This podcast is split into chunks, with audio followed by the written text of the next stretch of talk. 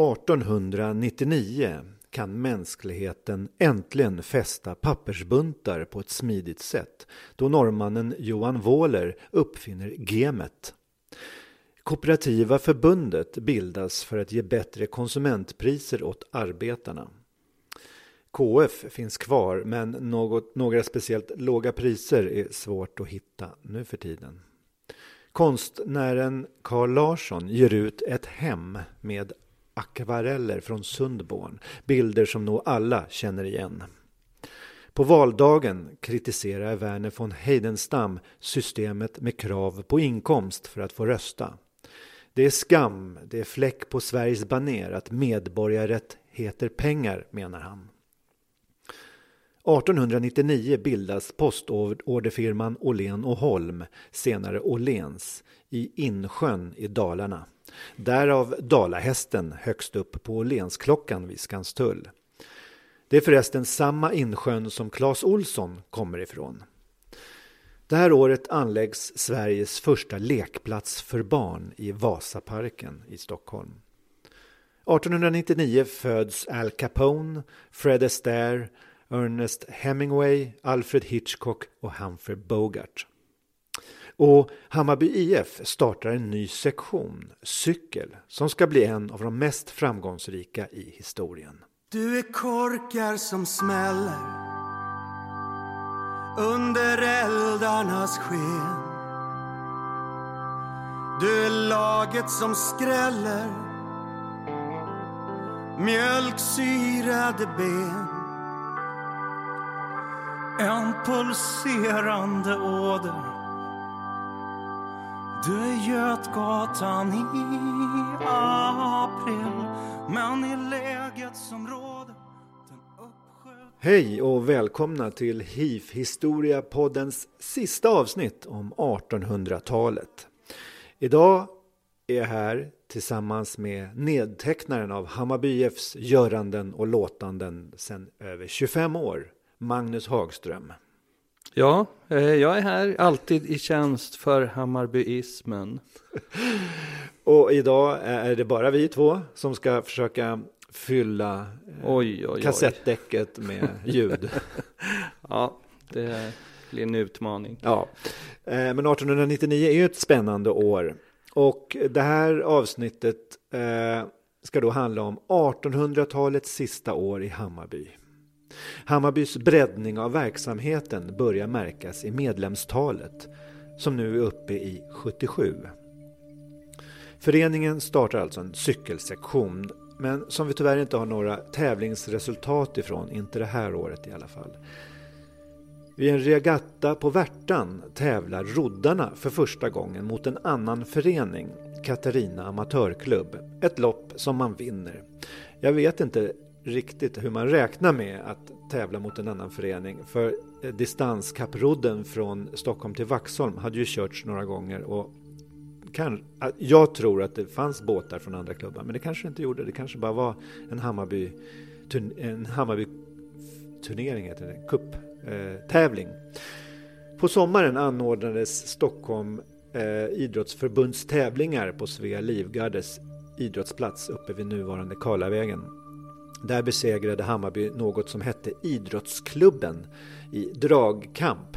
Eh, det var ju några år tidigare så var det ju dragkamp på samma ställe i samma tävling. Men Idrottsklubben, och jag har ingen aning om vilken idrottsklubb det rör sig om. Om det är Allmänna Idrottsklubben, Idrottsklubben Svea eller Östermalms IK. Att Hammarbys grundare Axel Robert Sköntal inte var helt ute ur bilden bevisas av att han ordnade fram en gymnastiklokal åt föreningen. Gissningsvis i Barnängen vid Tegelviksgatan.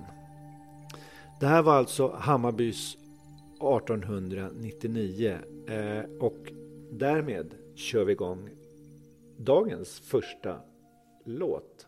Hammarby!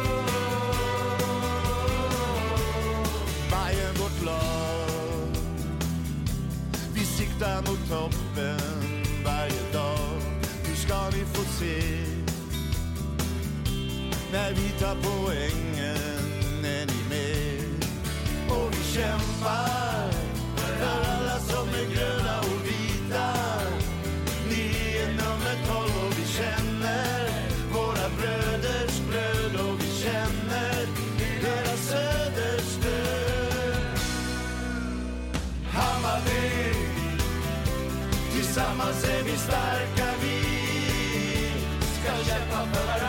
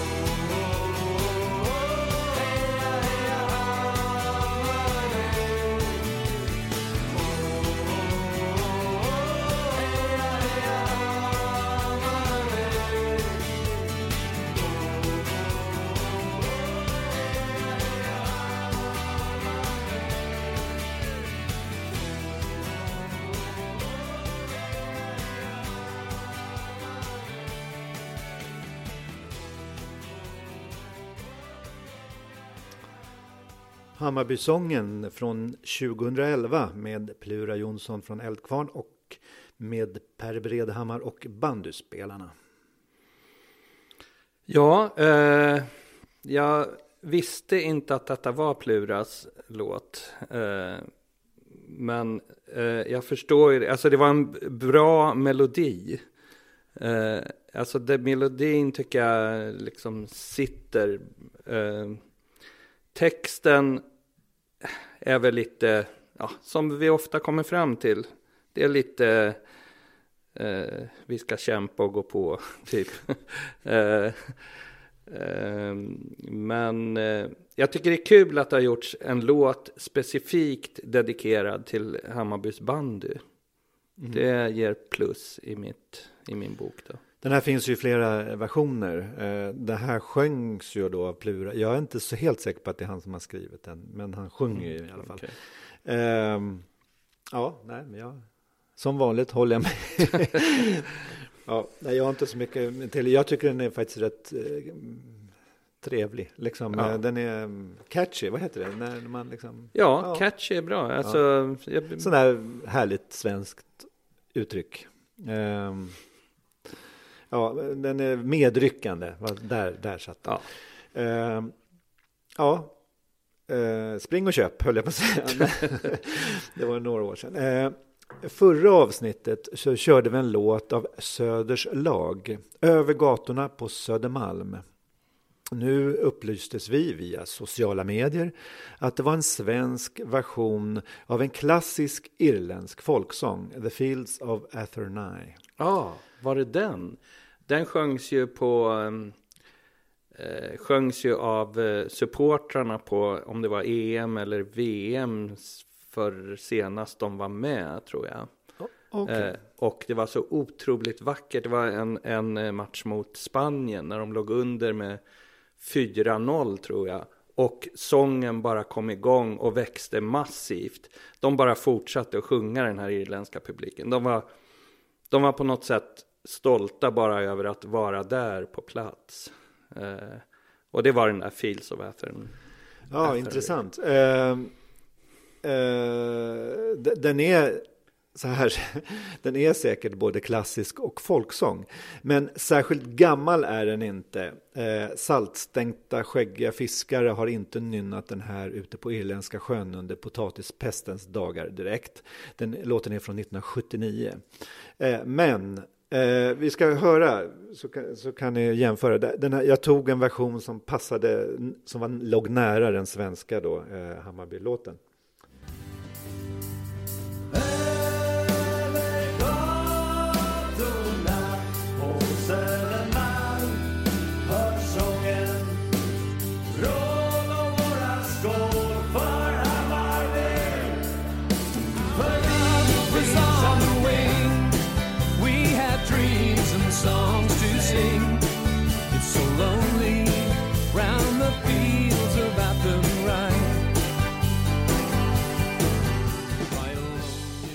Den har ju spelats in av eh, många. Det här var Johnny Logan. Men det var just att det var ungefär samma eh, takt så att jag kunde mixa ihop dem.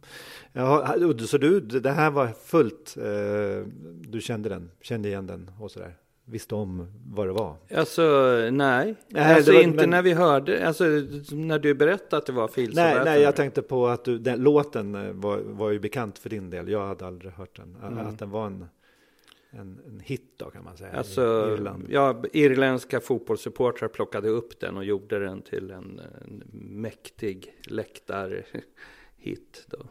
Förändrade betyget för låten, den svenska varianten? Nu kommer jag inte ihåg vad jag gav Nej, för du- betyg. Men eh, nej, det gör det inte. Men det är ju häftigt att man ändå tar någon eh, som är en, kallar det för fotbollslåt då, eh, och, och översätter. Nej, ja, jag vet inte. Bajen det är väl var namnet. där, ja, ja, det är ju vår nationalsång. Så där, den, ju- den går ju inte att eh, liksom dissa på något sätt. Så. Men, eh, nej men, ja, vad ska jag säga? Det är väl eh, si och så, alltså bara plocka upp andras och göra till sin egen. Det är väl inte, det är roligare om man liksom kommer med något eget uttryck som inte har hämtats från annat håll. Vi får se på vad du tycker om låt två senare då. Ja. Eh, eh, 1899, har du någonting att bidra med? Ja, ehm, det kanske jag har. Eh, jag brukar ju titta lite på idrotten runt om Hammarby då. Och i det här fallet så har vi en närliggande klubb som eh, bildades det här året. Eh, och jag, när jag tittar upp nu så ser jag faktiskt att eh, deras standard står här uppe i, pokalrummet. Reimersholms IK bildades 1899. Och den är ju som, precis som Hammarby, grönvit. Grönt är skönt, tycker vi här på Söder. Och de är faktiskt, en, det är lite intressant, för alltså grönt och vitt är inte den, eh, alltså inom idrottsklubbsfärgvalhistoriken så är grönt och vitt, det är, det är inte jättevanligt. Det är inte heller eh, totalt udda, men det, är, det vanligaste är ju kombinationer där blått och rött ingår och gult och svart är ganska vanligt också. Så här, grönt och vitt, inte supervanligt. Men på Söder, det har blivit grejen, att grönt är skönt. Alltså Reimers då, bildat 1899, grönvita. Södermalms IK, bildad 1902, grönvit. Den finns fortfarande. De, de, det var en ganska hyfsat stor klubb tror jag i början av 1900-talet. Nu är de väl, ägnar de väl sig enbart åt skridsko tror jag. Men var det inte de som var jättebra i skridsko eh, på 10-20-talet, alltså i början av... Ja, ja, jo, det tror jag. Ja. Ja. Eh, du har Hellas, som också är bildad 1899 faktiskt. Också grönvit. Eh, de bildades då som, de hette pastorns gossar när de bildades. Men, eh, och bytte namn sen till eh, Sport och idrottsklubben Hellas. Och de bestämde väl då att det här 1899, fast de då hette pastorns gossar, att det skulle vara startår. Ehm, du har eh, brottarklubben Aten, finns här på Söder, grönvit. Du har IF Linnea, den är också grön. Grön och gul kanske möjligen, men, men grön är en av huvudfärgerna. Var det Söderklubb? IF Linnea är en söderklubb, ja. Okej. ja. Eh, och du har ah, Nästgårds då, Skuru, grönvit. Men så har vi en svartgult får, eller vad heter det? Ja, det svarta, det svartgula fåret IK Bolton tänker du på va? Ja, precis. precis. ja, ja. Eh, som ju också är en genuin söderklubb eh, med, med eh, stark historik i, i vår stadsdel. Och jättemånga just runt här i Kanalplan eftersom de tränar här i, heter den Skanstullshallen? eller? Skanstullshallen spelar, spelar, de har mycket av sin, det är väl bara handboll nu de har skulle jag tro, men det ska jag inte svära på. Men ja, de spelar mycket handboll och det är här. Så. Jag tycker det där är lite något att fundera över. Hur, hur kommer det sig att eh, liksom, denna grönvita anhopning här på Söder? Har du något svar på det, Bemma? Nej, nej, nej, nej. Jag ska inte spekulera för då, då får man bara... Vi kanske har någon där ute, någon av lyssnarna kanske har nå, nå, något eh, inspel på denna. Mm. Eh, Vi, vi efterlyser svaret på, det grönvita svaret på Södermalm. Alla klubbar utom en då. Fast jag vet, hur, men eh, ärligt talat så var väl kanske de här Eriksdal gulsvarta va? ja, det var de som. Ja. som sen blev Johanneshov. Som Ja, sen jag menar inte att liksom Nej. 100 procent av alla klubbar, på, alltså det har ju bildats Mm. jättemånga klubbar på Söder som sen har flyttat ut också. De här Svitjod till exempel bildades ju på Söder. Det fanns en som heter Rutger, bildades på Rutger Fuchsgatan, flyttade ut. Alltså, eh, ja. så det är klart att det finns blåvita klubbar och alla möjliga kombinationer här också. Men ändå påfallande att eh, flera utav de stora är gröna. Mm. Ja, ett mysterium att försöka grotta ner sig i. Ehm, ja, har du något annat eh, från den epoken? Ja, alltså det bildades ju såklart varje år så har det ju bildats ett antal klubbar och, och, och det här året har ju några av de riktigt stora fotbollsklubbarna i, i, i Europa bildade. FC Barcelona, AC Milan bildades detta år. Eh, och eh, i Storbritannien då, som jag ofta brukar referera lite till, för jag tycker det är intressant med liksom hur idrotten i stor utsträckning har byggts från, från brittisk kultur. Där har ju idrotten pågått ett bra tag såklart, eh, då när vi är framme vid 1899. Eh, Där hittade jag en uppgift om att Rangers FC, även kända som Glasgow Rangers då, de bolagiserades det här året. Så det hände i Hammarbys historia ganska exakt 100 år senare. Va? Nej, eller nej, 2001 bolagiserades vi va, i fotbollen. Ja, jag vet inte. Ja, Det, det får vi ta då. mm, I mm, det okej. avsnittet. Ja, det får vi. Ja, Vi får ta reda på det. Men jag tror att jag ofta bo, gör man ju själva bolag innan man eh, pytsar in stålarna. För ho- det. hockeyn var ju lite tidigare. Ja, jo. Mm. Eh, en annan klubb som eh, bildades var den första fotbollsklubben på Island. Knatspyrnuförlag Reykjavíkur, om jag uttalar det rätt. Du låter som en infödd. Ja, ja men det var lite eh, utblick då. Ah, ja. Okej. Mm. Eh, jag funderade lite på det. Alltså det var ju rätt häftigt. En häftig kvintett som föddes eh, då. Eh, det är ju så att sådana som har så här, nu för tiden, så eh, om man nu går lite från Hammarbyspåret här. Nu för tiden är ju kändisar så vanliga. Alltså eftersom det finns så mycket vi, som man kan bli uppmärksammad för i olika medier och, och det är musik och så. Så att det är därför man tycker att det är så många som går bort. Och det är ju för att från 60-talet och framåt så har kändistätheten ökat med något enormt. Och det, vilket betyder att de, de som var kända filmstjärnor, liksom, man visste alla de 50 eller de 100, 1930 eller 1940. Och när alla, här kändes det som alla föddes, alla stora 1900-talsmänniskor föddes 1899 liksom. När man säger allt, allt från Humphrey Bogart till Al Capone. Liksom.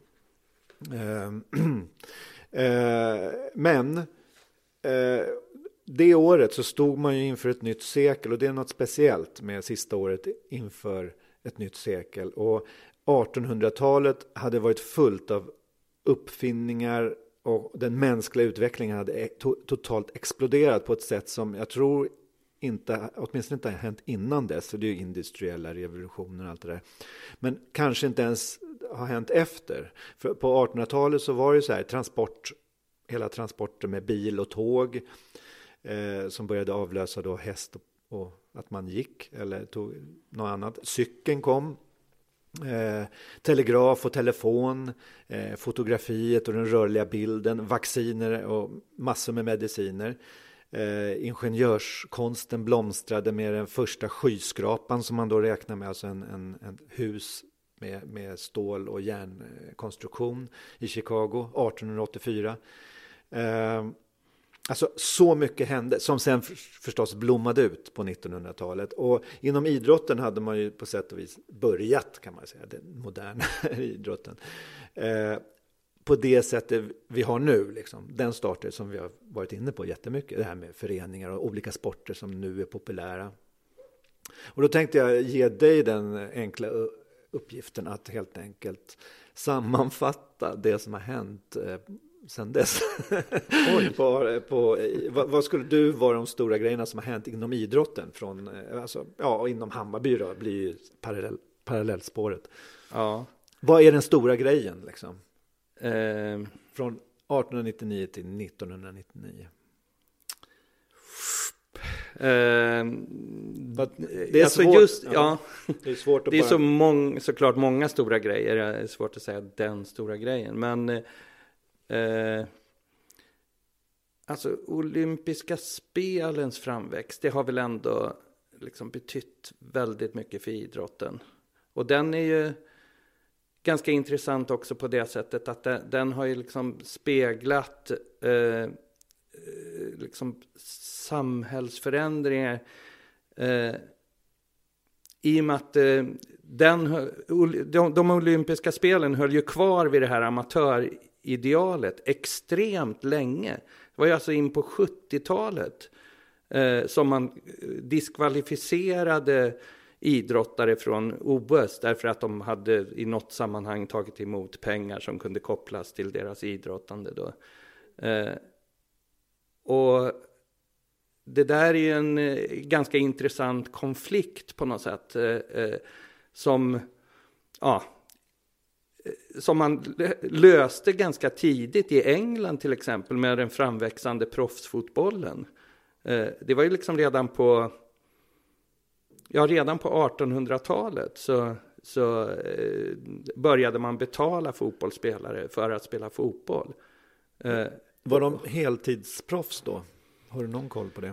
Eh, ja, men det, det allra första som hände var ju att eh, det fanns ett antal klubbar som var knutna till vissa industriverksamheter. Det var alltså eh, industriägare som eh, tyckte om fotboll, månade om eh, fotboll. De såg sig själva som en, som en del av sin eh, stadsmiljö.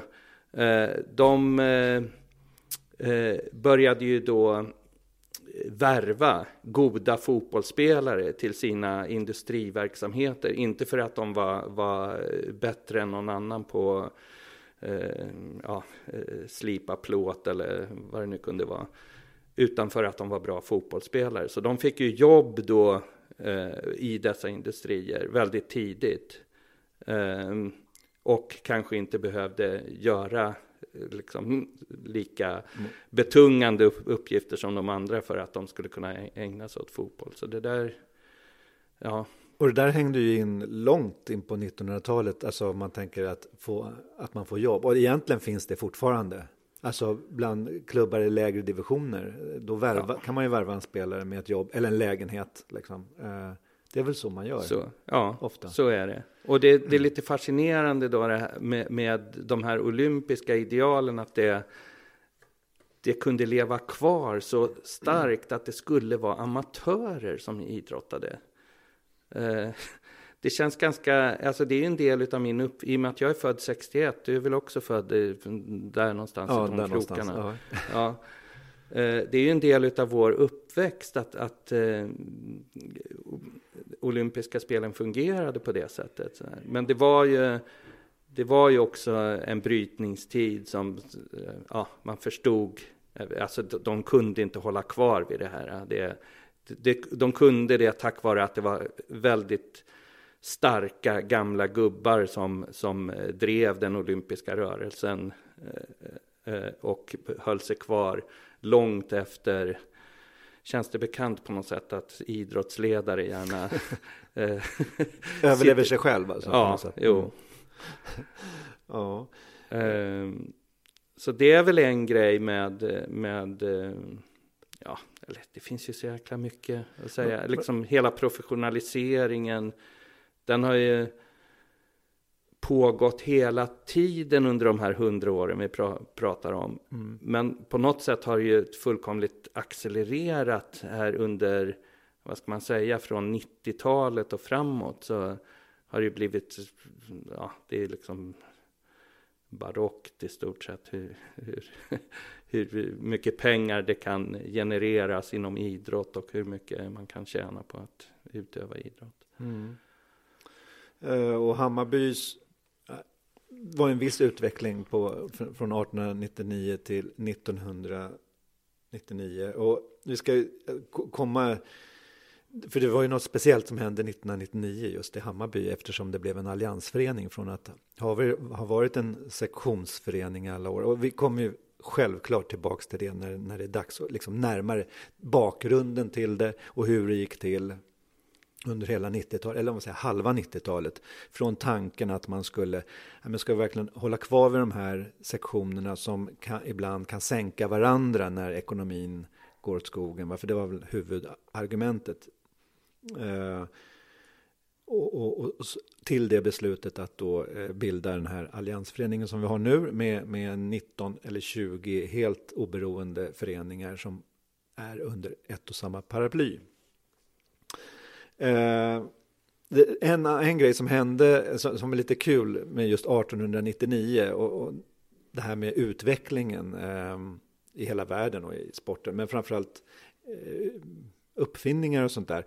Och, och den här, det finns ju en berömd eh, faktoid, alltså en icke-sanning, eh, som, eh, som lyder så här. Allt som kan uppfinnas är nu uppfunnet och därför är det lika bra att lägga ner patentverket.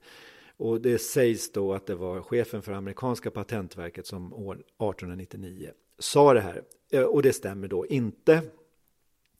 För att, ja, det är inte så att ingen någonsin har sagt det här, för det stämmer. För det var nämligen så att 1837 så skrevs en påhittad nyhetsnotis där en anställd i det amerikanska patentverket eh, sa upp sig för att han ansåg enligt den här påhittade nyheten att allt redan var uppfunnet och så det var liksom ingen mening med att jobba här ungefär. Det fanns också en rapport eh, som kom från en patentchef 1843 som löd så här. Utvecklingen är nu så snabb att den närmast verkar otrolig och tycks förebåda en era när utrymmet för förbättringar tagit slut. Och det snuddar vi det här, det var 1843, men det betyder ju inte att han sa att allting är uppfunnet. Eh, så, så det var, men det var ju 1890, det fanns en framtidsoptimism eh, som kanske höll i sig ända till första världskriget om jag är väl rätt underrättad. Alltså att man tänkte att nu är allting bara på väg framåt och Titanic var på något sätt en, en barn av den här tiden. Att ja, nu har vi byggt ett skepp som inte kan sänkas och det är världens största och nu jävlar. Mm. Eh, och sen, Men just då ja. måste ju framtidsoptimismen ha fått sig en liten knäck av, av Titanic. Då. Absolut. Det, det, mm. eh, det är en, för oss då, du var inne på att vi, vi som är födda på 60-talet eller ännu tidigare, och, eller 70-talet, vi har ju levt ganska många år på 1900-talet. Och, och liksom, när jag var liten, då var det liksom år 2000, eller år 2000 som man sa det. Det var ju liksom Månbas alfa liksom. Det var så här, då är, då är det är verkligen science fiction. Och nu har det ju gått nästan ett kvarts sekel. Och det, den tanken är lite jobbig. eh, och, och, då, och då kan man, kan man ju tänka så här, vad, nu, nu är jag ute och snurrar lite här, det är långt ifrån 1899, men det handlar ju ändå om utveckling här. Och vad är det de stora grejerna som har hänt under 2000-talet? Har det stannat av eller går det lika fort fast vi inte ser det? Ser man inte skogen för alla träd? Alltså jag, jag kom på två grejer som jag tycker är liksom riktigt stora grejer och det är de smarta telefonerna och den artificiella intelligensen som man kan säga det här är något, kanske inte har sett allt av det än, men det är liksom början på någonting riktigt stort som lokomotivet på 1800-talet. Mm. Uh, och i Hammarby 1899 blev det ju då en alliansförening. Vad har hänt? 1999 ja, var det väl? Du, var rätt. Jag läser fel. 1999. Och då är det ju 25 år i år då. Vad tror du det har betytt då? Ja men det är ju lite lättare att uttala sig mm. om då. För det är ju, där har jag ju varit med och sett. Eh, alltså, jag kände ju när, när man gjorde den här förändringen så tyckte jag som en del eh, att det var någonting som gick förlorat. Alltså eh, den här eh, att vi är en förening.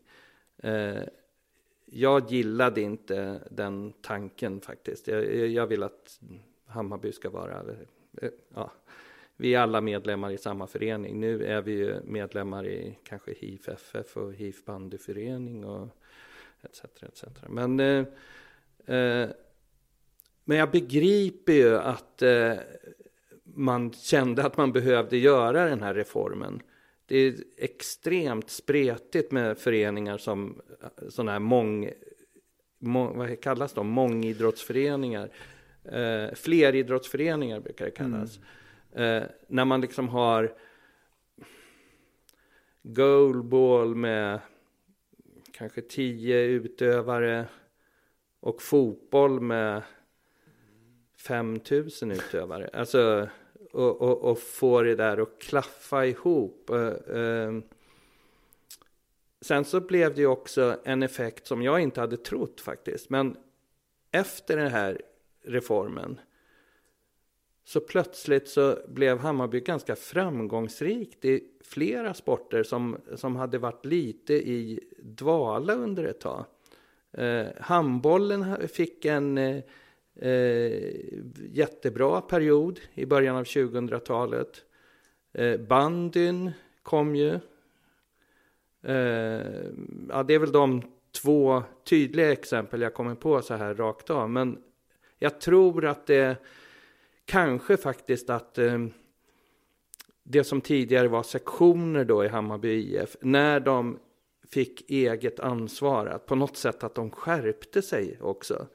Eh, det går inte att eh, liksom gå till pappa huvudföreningen och, och, och säga ja vi eh, har gjort av med lite för mycket pengar här, kan vi, kan vi få hjälp? Liksom. Utan plötsligt var man hänvisad till att ja, men nu hänger det på oss här om det ska bli någonting.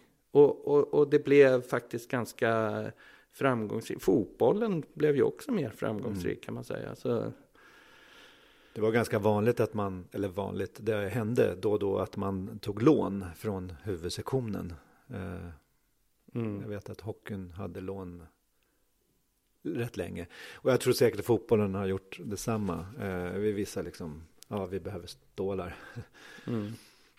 Ja, Jag tror att eh, friidrotten tyckte nog ibland att, eh, alltså, för det har ju alltid varit en, en eh, förening som väldigt mycket skött sig själv.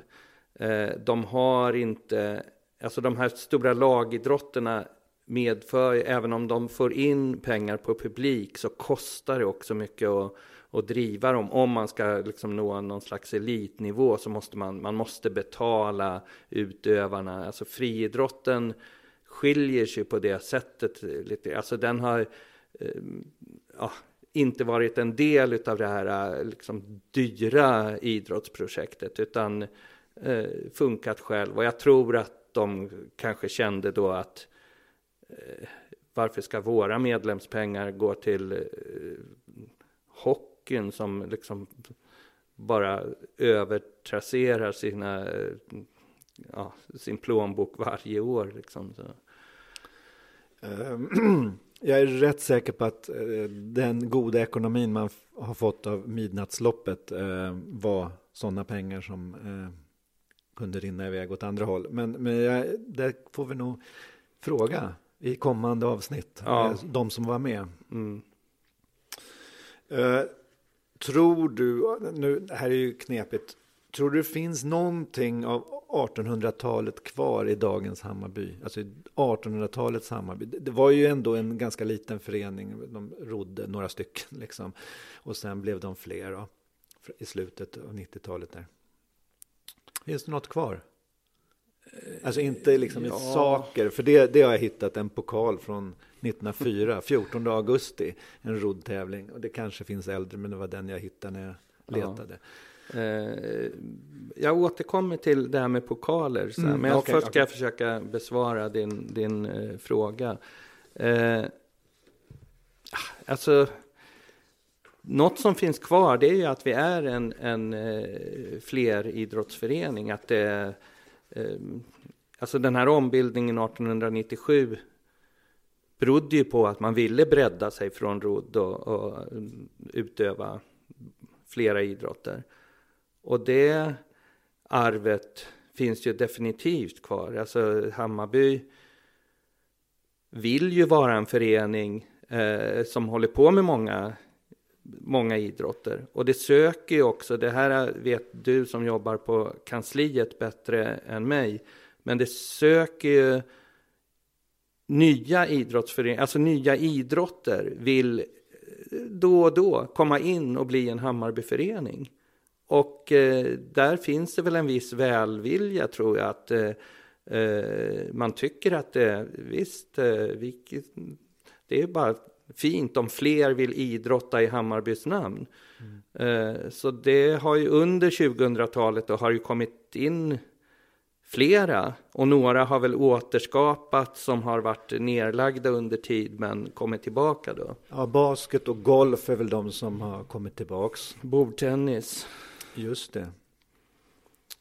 Eh, ja. Och sen eh, nya goalball där i början. Eh, sen hade vi speedway som nu är på väg ut kan man väl säga. Det, den har varit passiv i några år. Eh, Rugbyn kom... rugbyn kom. Eh, ja. Ja, nu kommer jag inte ihåg fler. Men vi kanske har dragit Bull har väl kommit. Eller kom den redan på 90-talet kanske? Åh, nej, jag tror den kom på 2000-talet, men tidigt. Mm. Jag, ska inte Mm. svära på det. Men, men det är i alla fall eh, relativt nya eh, idrott. Och du har helt rätt, det, det, de, de står inte i kö men det dyker upp förfrågningar då och då. Och egentligen kan man säga så här att eh, om man klarar av de krav som finns, de, den listan liksom av, av, kriterier, då är man välkommen. Jag, jag, jag, har inte hört någon gång som någon har eh, liksom uttryckt, alltså från styrelsens sida, att nej men det, det kan vi väl inte. Utan eh, följer man, har man de här, och kriterierna är ju bland annat då att man ska ha verksamheter för flickor och pojkar och män och kvinnor. Eh, elit, bredd, eh, söder om stan. Det är en, faktiskt en viktig punkt. Eh, att, det är, att det är rätt område. Det får inte krocka med någon annan existerande Hammarbyförening förstås. Eh, och lite, ja, det är väl det ungefär. Det kanske finns något mer. Eh, och, nej, men då är man välkommen om man, om man håller dem. Och det är inte så lätt. Alltså, det är ju inte så att man kan vara ett, ett gäng kompisar och sen det är oftast relativt um, etablerade ja, föreningar. Va, som... en, ett, ett sånt praktexempel på det är ju basketen som var polisen basket sedan många, många år. Eh, som som eh, ansökte om medlemskap i Hammarby. Och hade hela den här bredden och låg på rätt sida stan och allt det där. Pingisen var väl också så. Mm. Eh, de hette väl Bopp Bops eller något så här boll och pingissällskap. Eh, Enskede Bops eller någonting sånt här. Ja, det, du har ju skrivit nyhetsbrev i 15 år så du, du har väl koll på det här. Ja. Uh. Eh, jag har faktiskt ett exempel som lite motsäger eh, eh, det du sa nu eh, om att alla är välkomna. Det kanske inte motsäger det, men, men eh, jag vet att längre tillbaka så har Dart har velat komma in i, i Hammarby.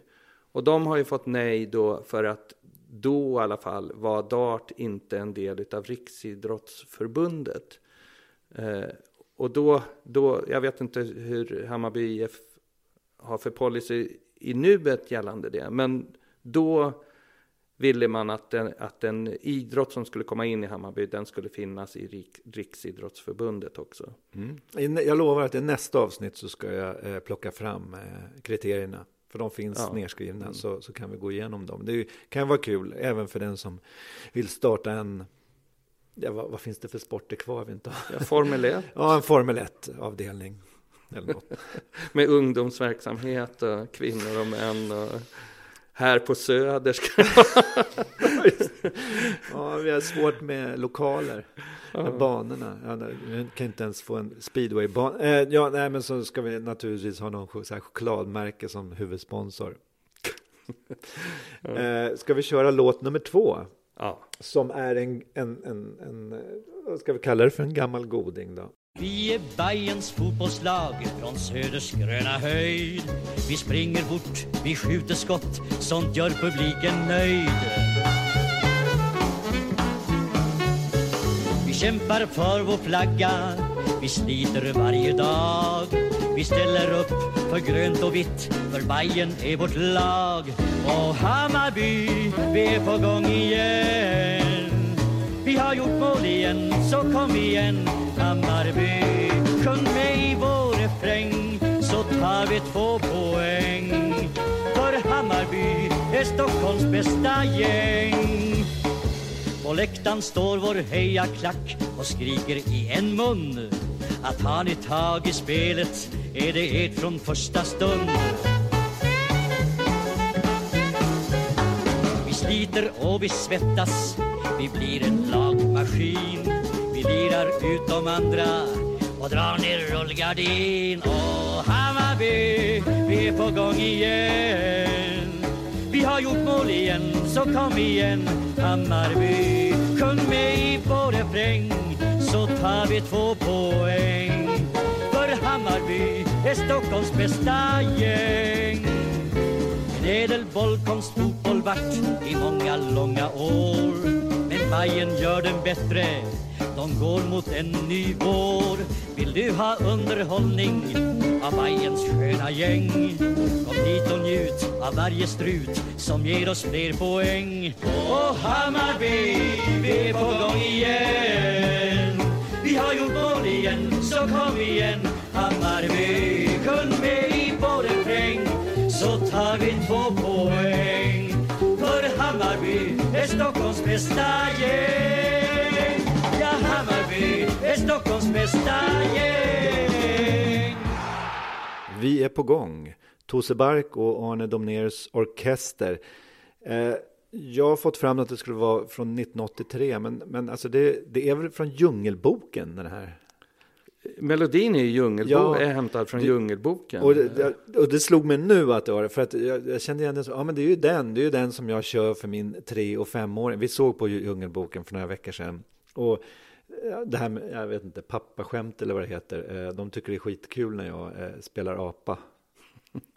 Eh, men det, det kommer de nog inte Sjunger till. du som King Louie? Ja, precis. Jag vill ju vara som du, någonting på svenska då. Men, eh, och, och jag, om jag inte min, den här fanns ju på den här 100-årsskivan. Eh, du kommer ihåg med, med, eh, Eh. med Bajen-låtar liksom. Just det. Ja. eh, och jag undrar om den är inspelad i samband med de här kassetterna som kom, det är därför 1983, för det kom ju ett serie med Hammarby-kassetter, känner du igen dem? Ja, jag Och de känner igen det. hette väl Vi är på gång, någon utav 1, 2, 3, Vi är på gång.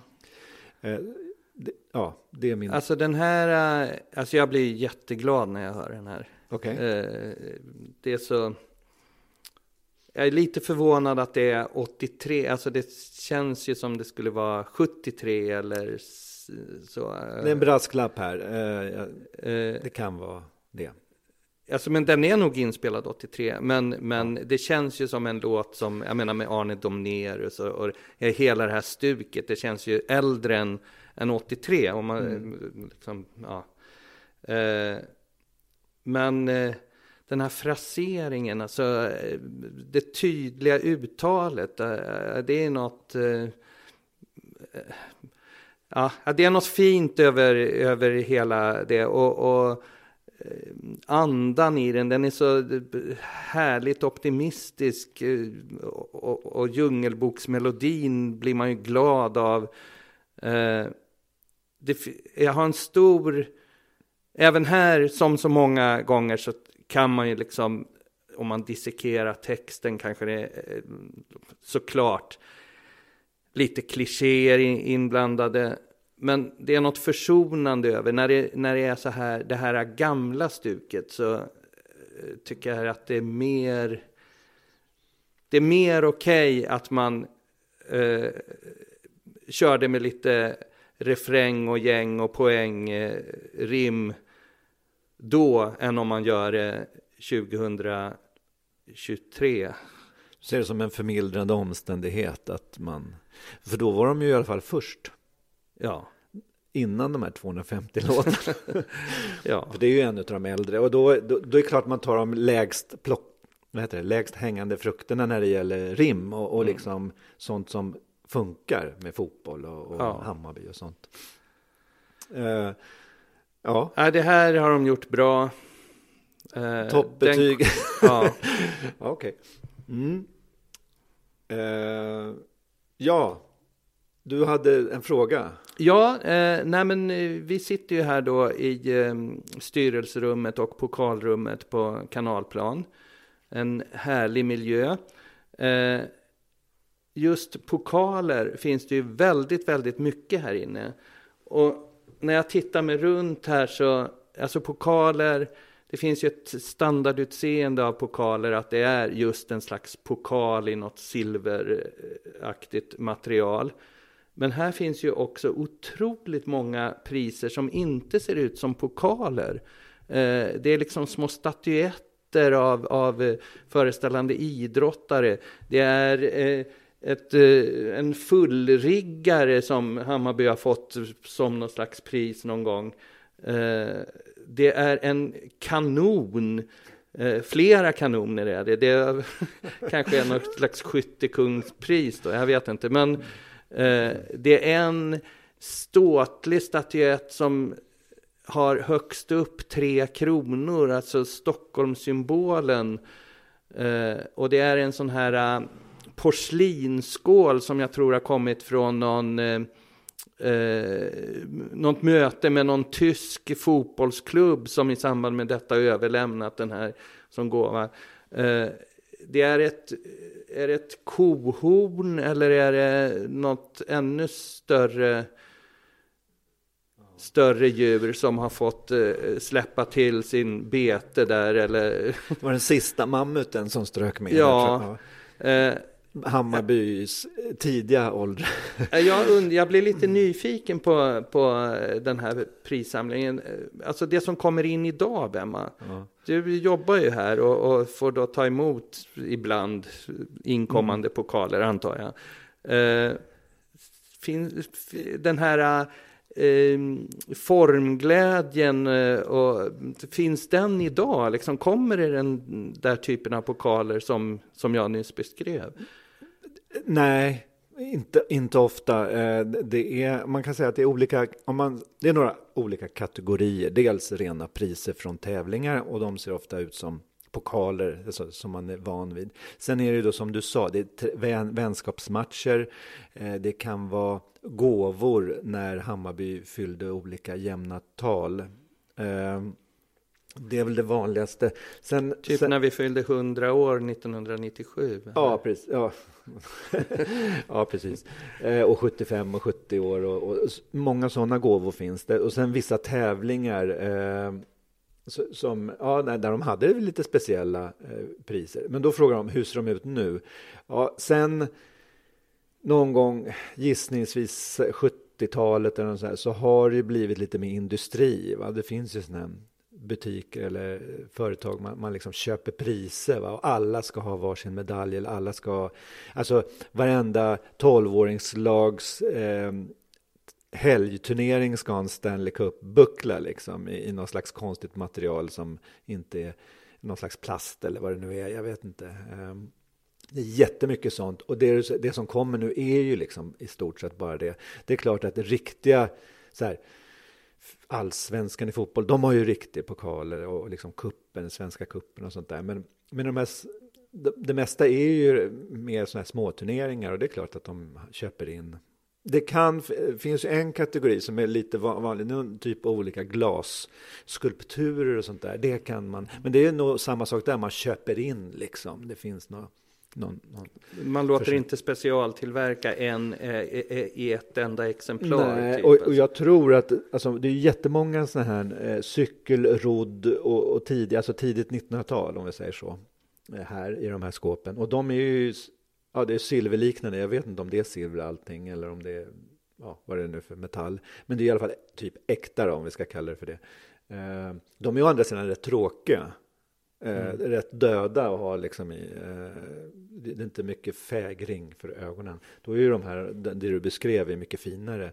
Men jag har ju sett liksom när fotbollslaget var i USA på någon turné på 70-talet, 70-80 eller turné, någon möte, då, alltså vissa gåvor de fick. Och, och grejen är att, och det handlar ju också om alliansföreningen, att fram till 1999, då var det ju Hammarby IF som vann alla priser. Och, så därför är de flesta eh, priserna, eller nästan alla, är ju från innan eh, 1999. Sa jag 1899 någon gång? Nej, du Nej. sa... Jag, jag hör inte vad jag säger, själv säger. Ehm, det som kommer in nu är, det är ju kanske det folk har, har haft hemma, ledare som har tagit hem eller spelare eller ja, som det var en konkurslager där som vi fick från hockeyn då.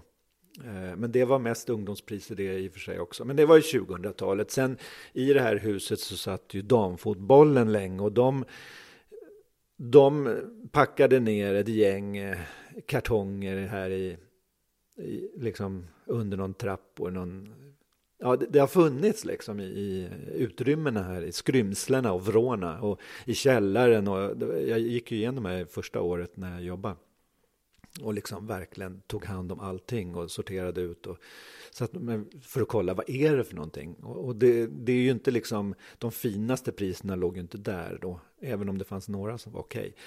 Så nu, nu kan man säga att jag har liksom renodlat, så det som är i rummet är väl typ riktiga priser då, i nästan alla fall. Ehm, Men, men det är klart, fotbollen är ju välkomna och alltså, damerna vinner ju hela tiden så de får gärna droppa några hit tycker jag så Mm. småningom. Ja, Och när vi vinner nästa gång allsvenskan i herrfotboll så får de, ja, de får stå här. Eh, Det är ju mer klass att ha den här än på något ställe i Årsta liksom. Som de, I någon Ja. skrubb som Ja. de förmodligen bara glömmer bort. Nej, du är skeptisk Ja, till... nej, nej då, de, de gör väl så gott de Men de har annat för sig än att samla på priser, eller på att säga. Det där lät fel också. men, men artefakter liksom. Eh, Ja. Jag har ju tid och, och möjlighet. Det här är ju som Hammarbys hjärta liksom. Det, ju he- Det här är ju kan- lite ett, eh, ett embryo till något slags museum kan man säga då också. Ja, absolut. Eh, så Och alla som kommer hit, och det är ju verkligen nästan alla föreningar kommer hit på ett eller annat sätt, antingen på årsmöten men även, de håller, många håller sina årsmöten här, vissa håller styrelsemöten. Det är ju det är ju jättefint att det fortfarande fungerar som en, som en central, liksom, mm. eh, det här huset.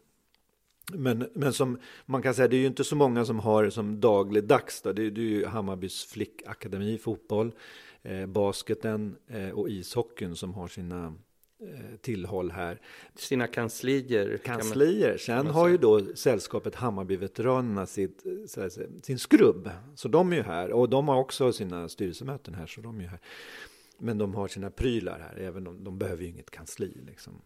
Mm. Så det är, det är en levande, det är ett levande hus eh, fortfarande. Och det, det skulle vara kul om man kunde utveckla ännu mer så att fler är här oftare. Liksom.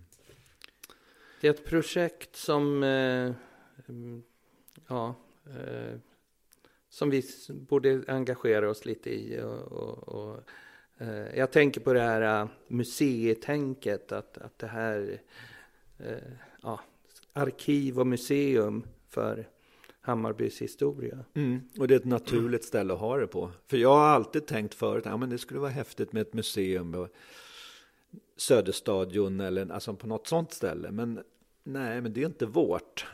Gamla Söderstadion hade ju varit om det hade funnits där. Men det, är ju, det här är det som är kvar som är Hammarbys. Liksom.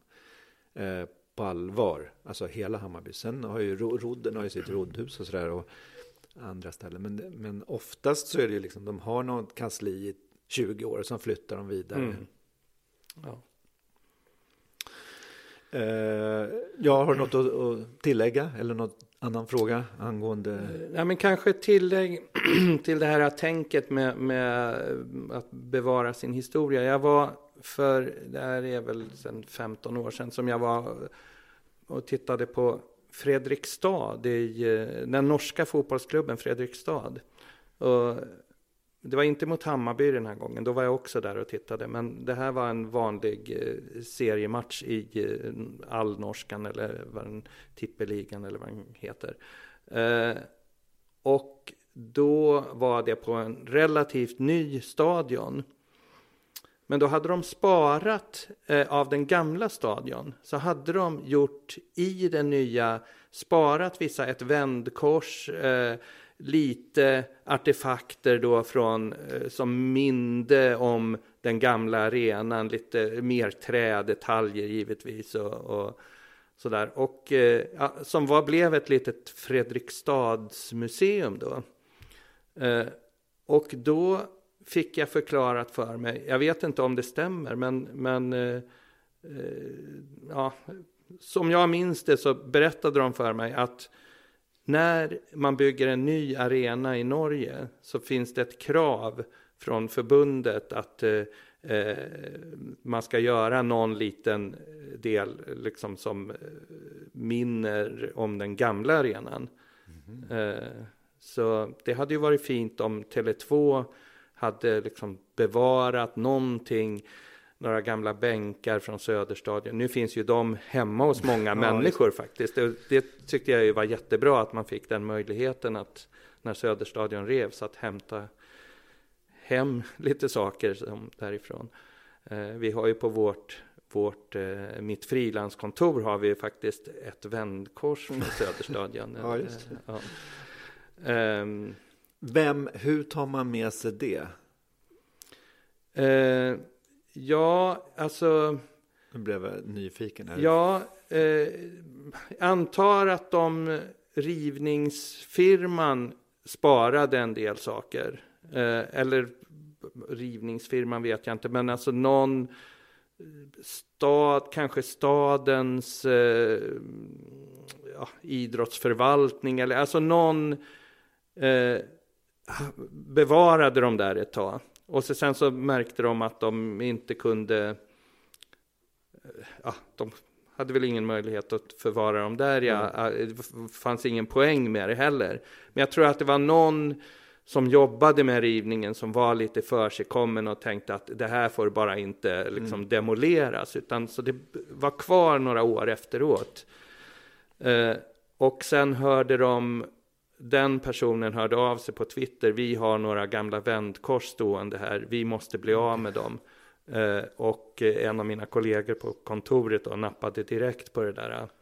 Och eh, så han åkte ut med sin Volvo kombi och det är en tung grej, det är ett vändkors alltså, det är riktigt tungt och vi fick eh, delvis skruva isär det för att få in det i, i, i bilen och det var ändå riktigt tungt. Men vi, vi fick hem, och nu står det där. Så.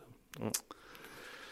Eh, någonstans runt 2008, eh, du får nog säga, rätta mig om jag har fel, så startades ett nyhetsbrev i Hammarby IFs namn. Av dig va, gissar jag? Eh, jag tror att det var 2008 faktiskt. Och, och eh, eh, det startades, startades av mig kan man väl inte säga. Eftersom det var fick- knutet till Hammarby IF. Alltså det, Hammarby IF under några år så hade man ingen medlemstidning och därmed ingen riktig medlemskommunikation. Eh, och på någonstans kände man väl att eh, någonting åt det hållet måste göras. Och jag hade ju då jobbat lite med den eh, tryckta medlemstidningen eh, som fanns under några år då. Eh, eh, och och eh, blev, om jag ställde frågan till Hammarby om de ville göra det här eller om de gjorde det till mig, det kommer jag inte ihåg. Men vi bestämde i alla fall att eh, eh för att, för att inte vår Hammarby IFs historia bara ska liksom sippra bort så måste det finnas samlat på något sätt. Så vi bestämde då att det ska göras ett nyhetsbrev en gång i veckan där man samlar då det som har hänt under en vecka i samtliga Hammarby-sektioner då. Och, och eh, jag fick det där uppdraget och har hållit på med det sedan dess. Och det där är ju liksom en bank av eh, eh Hammarby-historia. Man kan nu gå tillbaka 2011, vad hände vecka 43 och, och hur gick det för innebandylaget eh, 2009 i matchen mot eh, Sköndal? Eh, finns någonstans där. Och det där kan ju finnas på andra sätt också. Eh, du kan gå in kanske på innebandyförbundet möjligen och, och hitta det. Men här är det ju samlat då allt som gäller Hammarby. Och, men på någon slags nivå då, eh, alltså Hammarby har ju så enormt mycket verksamhet så vi insåg att det, man kan inte ta upp liksom samtliga flicklags eh, Sankt Erikscupmatcher liksom. Det, eh, utan det var en nivå som, där man känner att det här engagerar de flesta som är intresserade av Hammarby, alltså våra, våra elitlag i stort sett i, i, i olika sporter. Eh, Brevet har ju förändrats lite nu på senaste åren eh, och heter som Ja. klubbtidningen då. Mm, det är ju jättefint att eh, man, eller vi, har tagit tillbaka det namnet Hammarbyiten och med den en klassisk Hammarbyiten-logga. Den Hammarbyiten har sett ut på lite olika sätt under den tiden den fanns som tryckt produkt. Då. Men det, valet av den här tycker jag är, eh, riktigt bra. Eh, och istället för att eh, göra någon helt ny logga också. Så ja, men det här anknyter till eh, ja, vår historia. Och, Och, och det som du då börjar med och med Hammarby gjorde eh, från 2008 är ju egentligen det som aldrig har gjorts förut. Eh, att, att ha en, Hammarby nyhetstidning eller vad man nu ska kalla det för, nyhetsbrev. För Hammarbyiten som den var, där stod det om alla sporter, men det var en gång i kvartalet och, och det var ju inte någon he heltäckande på långa vägar. Men nu är det ju som en nyhetskommunikationskanal, eh, liksom, en nyhetskanal för Hammarby Nyheter. Och kommer då, eh, om vi nu ändå ska puffa för den, eh, på onsdagar, oftast, eh, onsdag kväll. Eh, och det är ganska enkelt att eh, signa upp sig för en prenumeration, alltså i, i e-mail. Mm. Och prenumeration är ju gratis då. Eh, prenumeration innebär att den dimper ner i ens eh, mailkorg då vid varje utgivningstillfälle. och egentligen kanske då man kan tänka att en medlemstidning ska vara för dess medlemmar, men jag tror att det blir eh, det är inte värt byråkratin att liksom separera eh, du är inte medlem, du har inte rätt att, att ha det här brevet, utan det är enklare helt enkelt att alla som är intresserade av Hammarby eh, kan få det här brevet. Och det är på Hammarbys hemsida, Hammarby streck hammarby-if.se, som eh, ja, man fyller i sin e-postadress eh, och trycker OK eller något, skicka, mm. så, så kommer det bara. Um, och du gjorde, det var senast i går va? Eller vad är det för dag? Mm. När vi nu sitter här så var det, eh, nu spelar det ingen roll, eh, det här är ju ingen nyhetspodd eh, så vi struntar i det. Eh, men vi kan i alla fall prata om, det är ju början på året och det är lågsäsong för fotbollen. Även om det händer mycket, de tränar och de kommer att köra träningsmatcher snart. Men för, för gruppen supportrarnas matchprogram, som vi, ni var ju här allihopa, eller allihopa, tre stycken, för några, en tid sedan. Hur är tiden nu, liksom, för er? År eh, 2024, vad ja, händer? Eh, ja, det här har ju blivit ett sånt, vi har ju hållit på faktiskt också sedan 2008. Det, kan det ha sammanfallit med det här nyhetsbrevet? Kanske, men eh, vi har hållit på så pass länge att det har blivit ett ganska väloljat maskineri. Eh, vi eh, Eh, har att göra även när det inte är eh, liksom utgivningsdags för det fysiska programmet tillägnat en viss match. Då, utan den här tiden ägnar vi åt att, att planera för kommande säsong. Eh, vi säljer in annonser till till programmet. Det, någon gång under resans gång tog vi beslutet att ta emot annonser. Det fanns en viss efterfrågan faktiskt. Folk hörde av sig om det går att annonsera i programmet.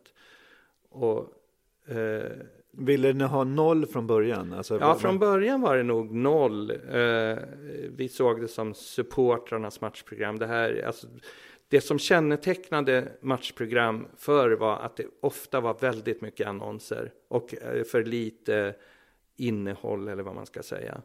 Eh, så det där ville vi, det vände vi oss emot, så vi ville göra tvärtom då. Men sen så märkte vi att eh, eh, vi vill utveckla det här. Vi vill inte bara att det ska vara 12 sidor, utan vi vill göra något mer och större. Eh, och eh, satte då ett annonspris som där vi skulle få in, alltså sälj, ska vi låta vårt utrymme gå till annonser, då ska det ge så pass mycket pengar att vi kan liksom utöka sidantalet, göra något eh, större och bättre. Eh, så, och det blev en, en naturlig utveckling av det där. Vi, ja, så som vi pratade om i, i eh, den här podden där vi var inbjudna att vara med. Att vi började ju med åtta sidor och, och, och eh, när vi har gjort som mest har vi gjort 40 sidor. Så det, det har ju varit en utveckling. Eh, ja. Eh. Men, men det här, det har aldrig varit tanken att, att vi ska ha lika mycket innehåll fast med annonser så det blir mer pengar. Utan det ska också finansiera eh, så att det blir mer också. Har Ja, varit- så, så är ju tanken. eh, Vi har ju haft några ja, procentsatser. Hur mycket får vara annons? Och, och, eh, eh, vilket inneburit att har vi fått in fler annonser så har vi också velat utöka så att proportionen eh, blir, eh, på, blir bra. Helt Vad har ni enkelt. för procent? Vet du det? Eh, ja, det vet jag. Är, Eh, den, är den, nej, det går ju bara att räkna ut, så det kan du ju lika väl säga. Ja, jo. Eh, nej, men eh, nu senast hade vi 30 procent. Jag tycker att idealet är 25 procent. Eh, sen så blir det inte alltid exakt så som man eh, liksom har i sitt önsketänkande. Eh, så 30 procent tycker jag är helt okej. Eh, alltså då är det då känner man ändå att det är en, en fyllig publikation med mycket innehåll. Och så sen, sen ska man inte heller dissa annonserna och tycka att det är eh, liksom något nödvändigt. Alltså det är ganska fint med annonser. Alltså tittar jag i gamla matchprogram. Jag tycker det är jättekul att se vilka som annonserade eh, på ja, eh, 74 liksom. Jo, men det var väl det här när man fick en, köpte en tjockt program någonstans och sen så, ja, kanske, ja, om det är 40 sidor så är det 36 med sådana här svartvita rutor liksom med Ja. annonser. Det var ju otroligt tråkigt. Det var jättetråkigt. Och man får bläddra och bläddra och Ja. bläddra och någonstans är det här anslagstavlan eller re, re, resultattavlan och, Ja. och sen så kanske de inte ens hade så var det för, program för året eller något sånt. Nej men det, off, ja. Ja, Ja, det var väldigt mycket som var dåligt och, och vi hade ju från början en idé vad vi ville göra, vad, hur vi tyckte att ett program skulle vara och den har vi ju följt också. Eh, och, men, men med det sagt, alltså med det du säger, alltså jag tyckte också att det var för jävla tråkigt med de där programmen där det ja, i stort sett bara var annons. En välkomsttext brukar det vara. Och så sen, eh, och den kunde vara samma ett helt år. Alltså, det stod samma i oktober som det hade gjort i april. Liksom. Det, välkommen till en ny säsong. Vi eh, eh, ja, har tränat hårdare än någonsin. ja. Eh, Ja. Eh, men men eh, gör man på det här sättet som, som eh, jag tycker att vi gör nu, där man håller en nivå att det är 25-30 procent annonser, då tycker jag att annonserna, förutom att det kan vara kul, det här är ju, det är ju hjärtesponsorer, det här är ju fin, alltså företag som, som älskar Hammarby på samma sätt som jag älskar Hammarby. Alltså det är som de här alltså Djurö Gräv och sådana, det är ju riktiga supportrar. Så det, det eh, ja, de ger Hammarby-känsla eh, att ha med sådana annonser. Eh, sen är det också som tidningsmakare känner jag att det blir en viss dynamik av att ha annonser. Att det, faktiskt att den blir ja, som publikation blir mer tilltalande av att eh, det bryter av med liksom en, en helsidesannons eller två halvsidor. Eh, jag tror att det skulle kännas mastigt om det liksom bara var artikel på artikel på artikel. Det, eh, det, det finns ett värde i det där faktiskt. Det är som musik i ett radioprogram där man annars pratar. Ja, Alltså det bryter av, man får vila, vila sig i någonting annat. Mm. Liksom. ja. Eh, om man nu avslutar det här, bara gör en liten kort sammanfattning innan jag tackar för idag. Så på de här 125 åren som det ändå är sedan 1899 så det är i alla fall en sak som är densamma tycker jag för Hammarby och det är den otroligt starka lokalförankringen. För den fanns redan på 1890-talet och finns belagd och den finns nu precis lika bel- belagd om, om inte mer. Så tack Magnus Hagström för den här Mm. ja, gången. men tack, Va, vilket trevligt samtal det har varit. Ja, Hoppas lä läsarna, hoppas lyssnarna tycker det också. ja, vi får hoppas det. Hej hej!